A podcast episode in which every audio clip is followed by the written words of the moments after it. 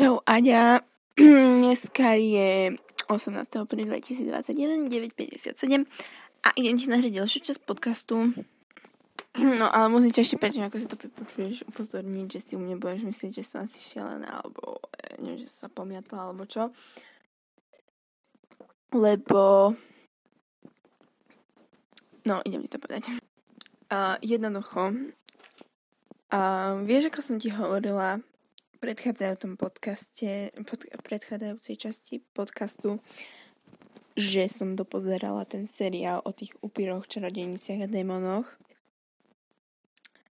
No, no tak ja som proste potom začala na Pintereste, že lebo proste tam boli také čarodejnice, hej, a oni boli strašne cool.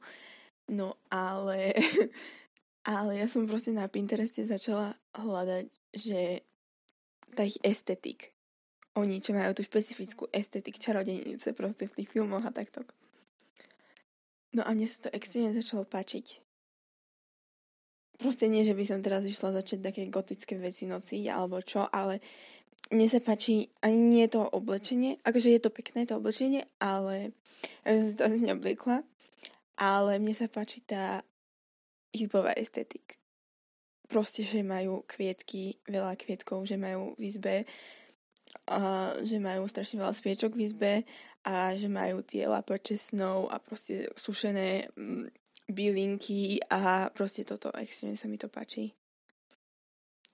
Takže teraz sa snažím nejako uh, si toto tak urobiť, tak čarodejnícky. Ale mám, mám že 4 sviečky až. Mám 3 kaktusy, to sú také skvietky, prosím a, ale urobila som si lapač snov a je celkom pekný, akože, na mňa. Ale plánujem si robiť ďalšie. Ale, ale vieš čo, ja som si stiahla také aplikácie. Um, jedna, lebo akože tie, neviem, čarodenice, alebo ja neviem, jak to hovoriť, tak proste e, nie vo filmoch, hej, ale toto normálne v našom, v e, našej škaredej, hnusnej nezaujímavej realite, uh, tak proste to sú, t- ja to mám naštudované už, to je, že Kitchen Witch, potom je nejaká Green Witch a potom, je, potom sú ešte ďalšie dve alebo tri. No ale, ale proste, ja neviem, aká som ja. A ono sa to dá, tam je taký testik proste, ten si to, no proste, chápeš o, ako osobnosti alebo takto. No ale úplne niečo iné som chcela povedať. Vždycky sa zamotám takto debilne.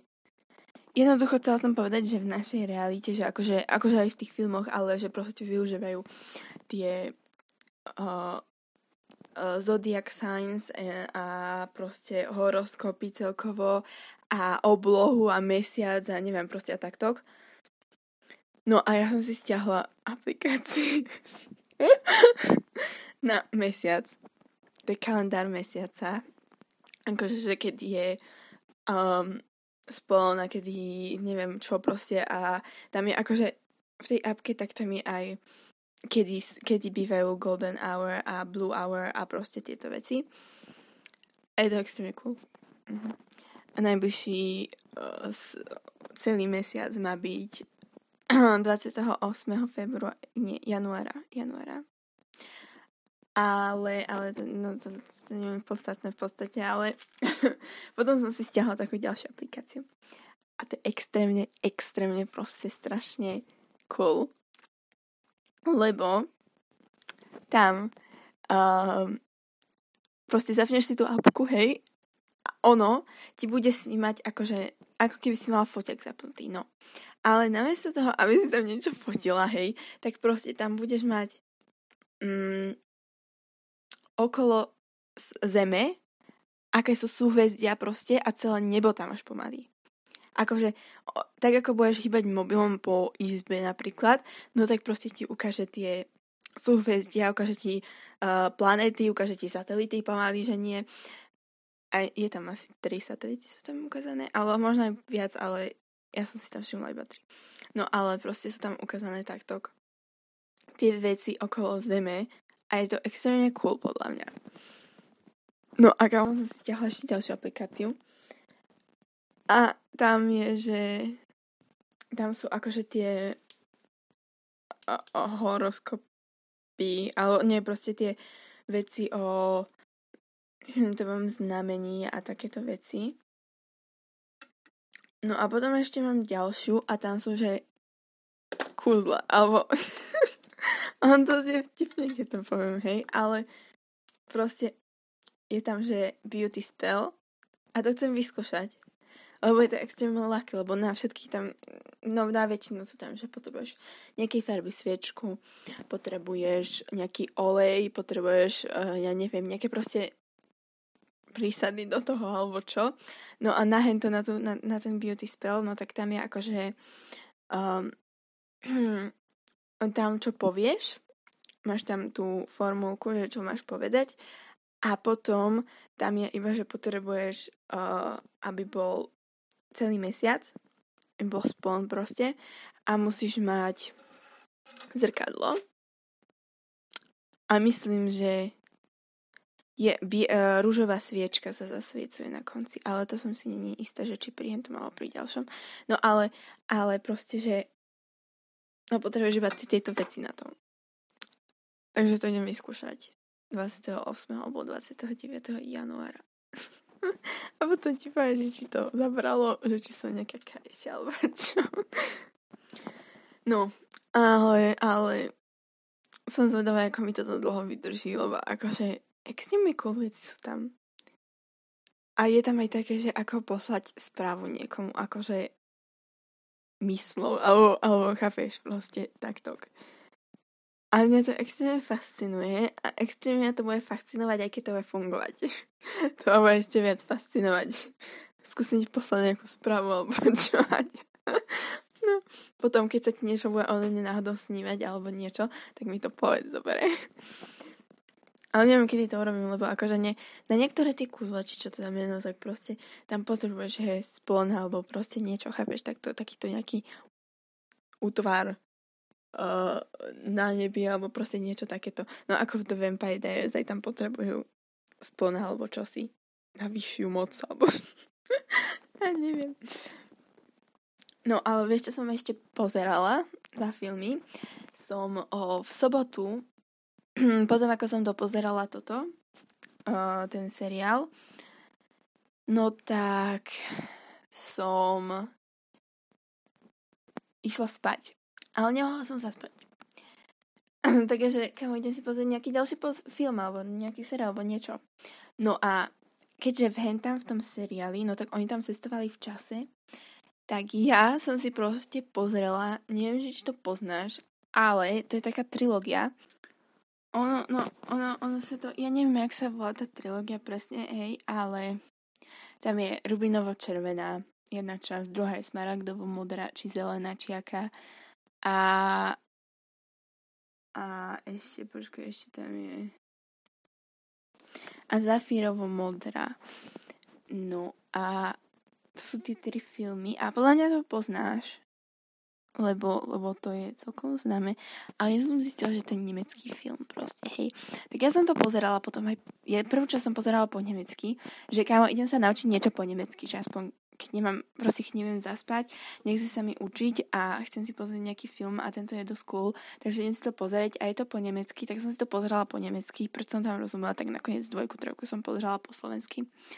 A, no dvojku po česky, lebo tam nebol slovenský dubbing, no ale to je jedno. A proste pozerala som to do 5. rána. Tie filmy. Ale vôbec to nelutujem, lebo to je úplne úžasné. A naposledy som to videla niekedy, keď som mala asi 5 alebo koľko. Ale je to extrémne dobré. A, a proste cestujú, cestujú tam v čase, takže akože úplne cool.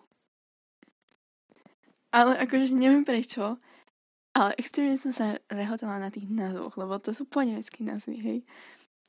A ono, že Smaragd Green. ale ono nie je ani vtipné proste, hej. Ale som sa na tom rehotala, lebo, lebo mi to proste prišlo vtipné a bola som o 5 ráno hore, takže akože dá sa to nejako ospravedlniť. no, ale to je asi všetko, čo som ti chcela povedať. Uh, lebo akože nič zaujímavé sa mi nestalo inak. Vieš čo, vieš čo, ja ti poviem, ešte jednu vec si poviem. Ja som sa včera v nedelu išla učiť Nemčinu. Hej. A už som si sadla proste, už som sa to učila, už som fakt, že asi 15 minút. A teraz, ja som mala taký prsten na sebe a ja som sa, ja som si proste som nad ním rozmýšľala samozrejme, lebo namiesto učenia sa rozmýšľam nad uh, prsteňmi, hej. A ja som si spomenula na môj drotený prsteň, ktorý som si urobila na jar. Uh, proste z nejakého random drotiku, hej. A nejakým spôsobom mi pripomínal Harryho. Lebo vtedy som začala, začínala proste letieť na Harryho, tak mi asi pripomínal Harryho, preto neviem. No a ja som raz ten prsteň stratila, hej. A ja som ho, proste, ja som ho ani nehľadala moc, akože bolo mi to celkom jedno, lebo vyzeral dosť šitne. No ale ja som ho potom našla v, v One Direction knihe, proste medzi stránkami bol. Takže dobre, to je dosť divné, ale dobre. No a potom som ho akože už nenosila ani moc, ale mala som ho furt na poličke. No a, my, a ja som ho proste, už som ho chcela dávno akože vyhodiť, ale som sa vykašľala na to, potom som na to zabudla, potom takto. No a teraz na nový rok my sme boli takého, nie prvého, lebo to som spala dlho, to sme neboli preč, ale takého druhého alebo tretieho, možno aj štvrtého, neviem. Ale proste ako nasledujúce dní po prv- novom roku, určite nie prvého, to určite, to viem na 100%, že to nie. Ale proste my sme boli na prechádzke a ja som zobrala ten prsten so sebou, že idem ho zahodiť proste, že ho zahodím na tej prechádzke, tak kde dole sa ho zahodím, hej. No a ja som ho zahodila a proste následovne, neviem, kedy začali tie fotky s Harrym a Oliviou, ale proste potom, ako som zahodila ten prsten, tak začali tie fotky. A proste nad týmto som ja rozmýšľala na miesto Nemčiny. Proste ja akože neviem, že či to niečo spolu súvisí, ale proste mne takéto hodiny napadajú teraz, keď, keď sa mi začala páčiť tá witch aesthetic, proste ja neviem, že či to je ja som to nene hovorila a ona, že dobre, ja tebe šíbe, ale niečo na tom bude. a že no, možno, dúfam.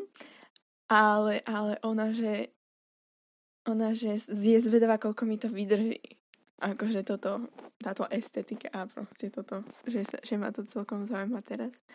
A že no a ja som zvedavá, ale je mi to jedno, proste ak budem vedieť také kúzlo, alebo budem vyčíta- vedieť vyčítať z, zo súzhvezdia, kedy sa One Direction dá dokopy, tak mi to bude extrémne jedno, že dokedy mi to vydrží, len nech to mám aj 10 roky, toto nech mi vydrží, len nech viem vyčítať z hviezd, že kedy sa One Direction dá dokopy. Alebo keby, že viem, vieš, že takú správu myslovú dať Harrymu, že už je čas. Alebo ja neviem, proste nejakú takú hladinu. To bolo extrémne cool. Alebo aj teba, keby, že sa mi iba tak podarí proste. Neviem, aby sa ti, aby sa ti o mne snívala, aby si si to pamätala, aby si mi to potom povedala, že či mi to vyšlo. to by bolo extrémne cool. No, ale, ale Inak našla som aj moje minerály. Lebo ja som, akože som mala takú zbierku minerálov a neviem čoho. A teraz našla. Neviem prečo až teraz. Ďalšie znamenie. no, ale to je všetko, čo som ti chcela povedať asi. Lebo už nemám nič nové. Proste nič som nerobila. Takže nemám nič nové. No ale ideme mať teraz za pol hodinu Nemčinu a ja to neviem proste. Takže som celkom v. Akože viem niektoré slovička, ale zo pár ich to neviem. ale dúfam, že dostanem jedna. Dúfam, že, že tam dá tie, čo viem. Lebo budem v ríti. No dobre, takže všetko asi. Um, dneska sa mi inak nič nesnívalo. Lebo zase je pondelok. To je možno preto. Lebo proste vždycky, no teraz, akože som si všimla, že prešiel jeden týždeň, hej, ale som si všimla, že proste v pondelok, útorok, stredu, štvrtok, ani, no ani v nedelu predtým sa mi nič nesnívalo. až dako, dakedy vo štvrtok alebo v piatok, vo štvrtok, piatok a možno sobotu, sobotu asi nie, to som spala dve hodiny, uh, sa mi snívalo niečo. Na konci týždeň, proste, hej, keď skončila škola. Ale a proste na začiatku nič. A teraz zase, v nedelu, teraz sa mi nič nesnívalo, zajtra sa mi určite tiež nič nebude snívať, potom tiež a potom sa mi možno bude niečo snívať. Dúfam. Škola zabíja moju kreativitu, tvorivosť a fantáziu. Krásne.